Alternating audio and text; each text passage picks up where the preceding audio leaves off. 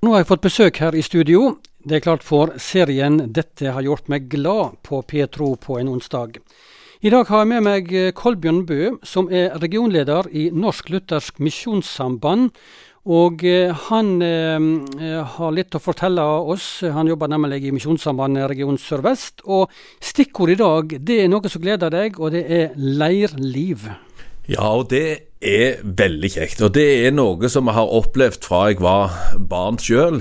Det å få reise på leir. Og i vår sammenheng så reiste vi til Utsyn og Tonsdali på leir. Og etter hvert så fikk vi reise til Holmavatn. Og, og, nå reiser vi òg til Solgry i Sveio. Og, og det med å få ei tid i sammen med andre barn ifra, og ungdommer fra andre plasser, eh, kule ledere, og mye av det som følger med leirelivet, det har vært veldig kjekt. Og så er det en, en eh, unik mulighet det som er vårt hovedoppdrag, å forkynne evangeliet om Jesus eh, og spre budskapet om, om han til eh, den oppvoksende generasjon, så har leirlivet vært veldig kjekt. Du, Tirsdag 20.9, eh, altså om noen få dager, så slipper dere løs eh, nye leirer som folk kan melde seg på. Faktisk 18 i tallet utover høsten nå.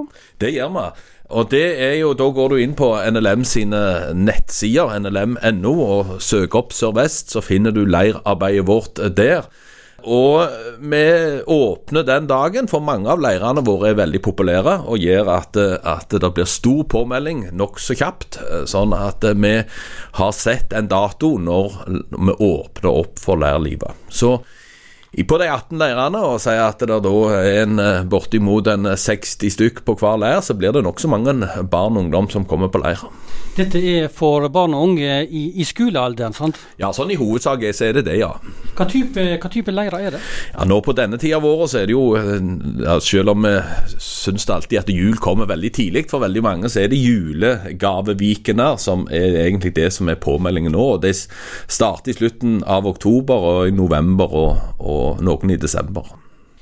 Og julegaveviken, da lager de julegaver, ting til å ta med hjem. holde holder litt for seg sjøl før de pakker det ut på julaften, selvsagt. Eh, så dette har blitt slått veldig godt an, forstår jeg. Det har vært veldig kjekt, og det har vært veldig kjekt i mange år. Og mange, av, uh, mange flotte ting blir lagt. Og det er noe med det du lager sjøl. Så det var en som hadde òg lagd seg et ei skjærefjøl en gang. Og så, så, skulle han prøve å skrive noe på dette, og så sa han det Ære være Gud i høyden, jeg har laga det på sløyden, sa han. Så det var jo en god ting å lage. Ymse tekster, altså. Ja, det var det. Men, men eh, Kolbjørn Bø, det å få ledere til eh, så mange leirer, hvordan er det? Ja, det er Det er veldig mange som, som lover og sier ja og er med og har vært med i mange år på leir. Og det gjør at eh, vi har jevnt over et veldig godt uh, mannskap på leirene våre. Men vi trenger alltid flere. Vi trenger nye ledere så tenker du at du kunne tenkt deg å være med på det, så tar du kontakt med kontoret vårt, og så kan vi eh, formidle kontakten til de som har med leirene å gjøre. Så det er vi glad for. Et stikkord når det gjelder òg denne type misjonsarbeid vi snakker om nå, blant barn og unge, det er jo bønn. Hva betyr det i, i denne delen av misjonsarbeidet til Misjonssambandet Kolbjørn Bø? Ja, og Der er vi vel i, som, som, i alt arbeid, men ikke minst i dette, så er bønnens tjeneste. For mange av dere som lytter til, dere ber til Gud. Eh, og har med leirarbeidet i bønn.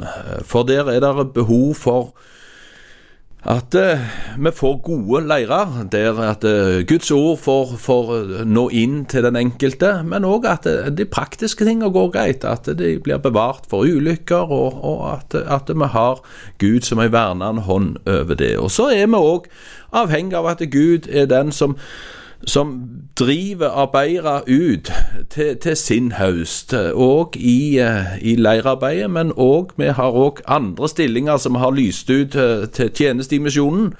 Og vi tenker òg, er, vi er takknemlige for det, at vi får lov å be til Gud. Men han har sagt at eh, be høstens herre om å drive arbeidere ut til sin høst, og det oppfordrer vi til for deg som lytter.